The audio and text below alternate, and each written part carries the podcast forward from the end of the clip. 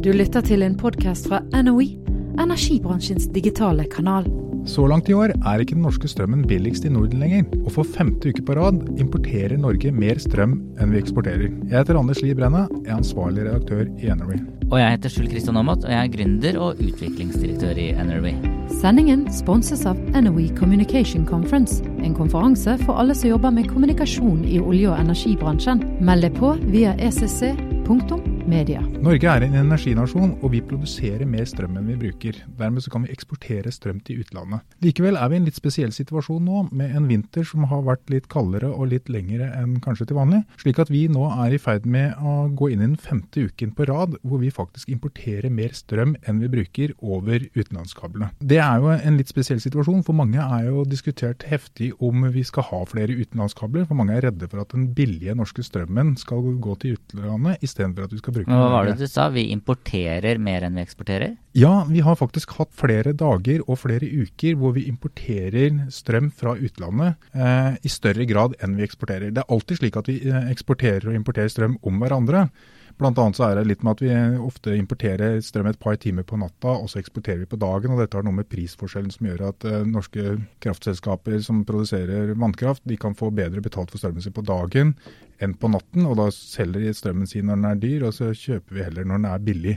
Det spesielle nå er at vi har hatt dager hvor vi har importert mer strøm enn vi eksporterer i 24 timer av døgnet i flere dager på rad. Så da er det bra da at vi har disse utenlandskablene? Ja, det snur på en måte argumentet litt på hodet. For i den situasjonen som vi er i nå de siste ukene, så har vi faktisk spart penger på at vi kan importere strøm fra utlandet. Så det er ikke som argumentet går at vi bør beholde den billige norske strømmen her i Norge. Vi er i en litt spesiell situasjon. Og det vi har gjort når vi har sett eh, på dette, så har vi gått og tatt en titt på tallene fra kraftbørsen for å se litt hvordan prisen har vært hittil i år. Og det viser seg da at i årets tre første måneder så har ikke Norge den billigste strømmen i Norden. Sverige er dyrere, så kommer eh, Norge, og så er det danskene som har hatt den billigste strømmen. Hva skyldes, hva skyldes det? Er det vind? Ja, det er delvis vindkraften at det har eh, blåst en del. Og det gir utslag i at eh, danskene de har en eh, pris som er litt annerledes enn norske. I Norge så går ikke bunnprisnivået så veldig lavt. Vi sier at liksom prisen kan gå litt opp og prisen kan gå litt ned, og det er relativt jevnt. Men i Danmark så har de noen prisbønder hvor det rett og slett har blåst veldig kraftig, hvor prisen har gått ordentlig ned i kjelleren. Og i enkelte, riktignok unntaksmessig, men i enkelte timer så har faktisk prisen vært negativ på kraftbørsen. Hva betyr negativ? Det betyr egentlig at eh, de som produserer strøm må betale for å bli kvitt den. Og det er ikke holdbart over tid, kan du si. Argumentene imot utenlandskabler er jo det at eh, vi er billigst, og ved å koble seg på eh, det store nettet, så, så vil prisene våre øke. Men det du sier er faktisk det motsatte. Ja, nå sier jeg ikke at det er motsatt. Jeg sier at i år, og akkurat nå, så er situasjonen motsatt. Akkurat nå så sparer vi penger, altså vi får lavere priser takket være utenlandskablene. Ser vi sånn totalt sett over mange år, så vil nok utviklingen vise at uh, i snitt så uh, har vi i Norge lavere priser og har det sånn sett bedre med at vi har den lokale strømmen. Men, og da er det spennende å se, er det et unntaksmessig situasjon som er nå fordi det er veldig spesiell, eller er det en del av en utvikling at vi kanskje ser i fremtiden at det blir mer og mer slik at strømprisene vil gå begge veier, at det vil variere litt. Så det, det er ting som eh, forandrer seg veldig. Hvis vi tar en titt på hvordan strømprisene har utviklet seg gjennom døgnet, så ser vi at i Norge så er det egentlig ikke så store variasjoner. I snitt så svinger det litt. altså den Strømmen i Norge er billigere på natta, og så er den litt dyrere på morgenen, sånn typisk rundt åtte, og så faller den litt i løpet av dagen. Og så når den en ny topp sånn rundt syvtida på ettermiddagen eller kvelden. Er det her det ligger inne noen forslag om at ø, prisene skal være høyere dersom man bruker mye strøm samtidig? Ja, dette her går på effektprising, som er noe NVE har ute på høring, hvor de har foreslått at eh, vi skal kunne betale for effekten og sånt. Og den vil jo på en måte kunne knyttes opp mot eh, prisen mer på timesbasis. Slik at her vil det jo kunne være at eh, litt av problemet med, eh, eller grunnen til at man ønsker effektprising, ligger jo i at nettet må bygges ut for å tåle belastningen når strømbruket er på sitt høyeste. Det nytter ikke å bygge ut nettet til å tåle gjennomsnittsbelastningen, for da vil det begynne å blinke i lysene når noen går over gjennomsnittsbelastning. Så, så strømnettet er nødt til å håndtere maksimaltrafikken på strømnettet, kan du si. Det er omtrent som at man må håndtere som om man har bygd veiene for at de tåler maksimaltrafikken, ikke at det blir kø. Vi, vi kan ikke ha kø på strømnettet som gjør at folk ikke får strømmen sin. Og Da ønsker man å ha en effektprising som sier at når alle skal bruke strømmen samtidig, så er liksom effekten som tas ut, gjør at man da kan sette et lite tak og si at da blir det dyrt, og med det sørge for at folk ikke bruker så mye strøm på akkurat de tidspunktene. Nå er det ikke akkurat sånn at jeg velger når jeg skal bruke strøm. Da, med to små barn eh, som går i barnehage, eh, så er det jo det er et gitt tidsrom der jeg kan få vaska tøy, eh, og der tørketrommelen går osv. Det, altså, eh, det betyr jo det at det, blir mye dyrere for meg, gjør det ikke? Ja, det kan bli dyrere. Det kan bli dyrere fordi du som barnefamilie, eller dere som barnefamilie, er nødt til å bruke strømmen akkurat når dere må bruke strømmen, og at det er vanskelig å få tilpasset den biten. Samtidig så går dette litt opp mot hvordan strømselskapene faktisk leverer strømmen. For det er faktisk slik at strømselskapene de stort sett de produserer ikke strømmen selv. De kjøper strømmen på en kraftbørs på Nordpol, og så selger de den. Og det som er litt spesielt, er at når de kjøper strømmen, så kjøper de den på timesbasis, og betaler altså spotpris for strømmen, men så selger de til forbrukerne på døgnbasis. Og Hvis vi tar et eksempel, så har vi f.eks. Fjordkraft, som er et strømselskap som ble børsnotert for et par uker siden. Jeg titta litt på regnskapstallene og så at f.eks. i 2016 så kjøpte de strøm for 3,95 milliarder eh, kroner, og så solgte de for 4, den samme strømmen for 4,66 milliarder kroner. Så de er rett og slett akkurat som en helt vanlig megler? Ja, de er på en måte som en slags mobiloperatør. Og Fjordkraft har jo også gått inn i mobilmarkedet, fordi de kjøper til én pris og selger til en annen pris. Det som gjør at det er litt vanskelig å se hvordan dette her, er at når strømselskapene kjøper prisen, og de kjøper den på timesbasis, men selger den på døgnbasis, så må de ta høyde for at timesprisen kan variere veldig kraftig. Og Der har vi også dykka litt ned i tallene og sett litt på det, fordi vi ser at strømprisen i Norge er ganske jevn gjennom døgnet. Det er liksom noe som kjennetegner det norske strømmarkedet. Men vi har hatt timer hvor prisen har vært fire ganger så høy som gjennomsnittsnivået. Prisen ut til forbruker? Nei, prisen inn? på spotmarkedet. Så i en spesifikk time så har plutselig prisen gått i været. Der har for øvrig svenskene hatt helt opp i fem ganger så høy som gjennomsnittsprisen, mens danskene er omtrent på tre ganger så høy. Men Norge har i hvert fall hatt da en enkelttime hvor prisen er fire ganger så høy. Når da Fjordkraft og andre strømselskaper skal selge den samme prisen på døgnbasis, så er de nødt til å ha en ekstra margin på den prisen eh, de kjøper til det de selger, for å ta høyde for at det av og til kommer slike timer. Og Det betyr at da må de ta litt ekstra betalt for å være på den sikre sida. Det blir omtrent som en bank som sier at ja, du kan få låne til denne prosent rente her sånn. Hvis du vil ha fast rente, så kan du få lov til det, men da tar vi en liten ekstra margin på toppen for å ta høyde for den risikoen vi faktisk tar. Men hvor mange strømselskaper er det? Det er ca. 110 strømselskaper. Det må jo være altfor mye? Altfor mye?